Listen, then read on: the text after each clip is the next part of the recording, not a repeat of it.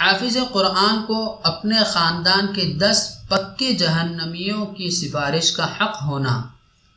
عن علي رضي الله تعالى عنه قال قال رسول الله صلى الله عليه وسلم من قرأ القرآن فاستظهره فأحل حلاله وحرم حرامه. أدخله الله الجنة وشفعه في عشرة من أهل بيته. كلهم قد وجبت له النار. رواه أحمد والترمذي. وقال هذا حديث غريب. وحفص بن سليمان الراوي ليس هو بالقوي ضعف في الحديث. ورواه ابن ماجه والدارمي. حضرت علی رضی اللہ تعالی عنہ نے حضور اختر صلی اللہ علیہ وسلم کا ارشاد نقل کیا ہے کہ جس شخص نے قرآن پڑھا، پھر اس کو حفظ یاد کیا اور اس کے حلال کو حلال جانا اور حرام کو حرام، حق تعالی شانہ، اس کو جنت میں داخل فرماویں گے اور اس کے گھرانے میں سے ایسے دس آدمیوں کے بارے میں اس کی شفاعت قبول فرماویں گے جن کے لیے جہنم واجب ہو چکی ہو۔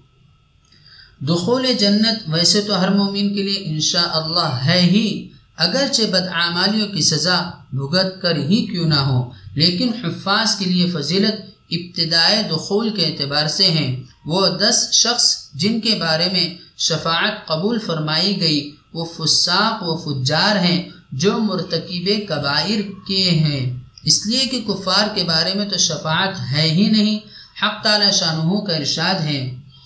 إنه من يشرك بالله فقد حرم الله عليه الجنة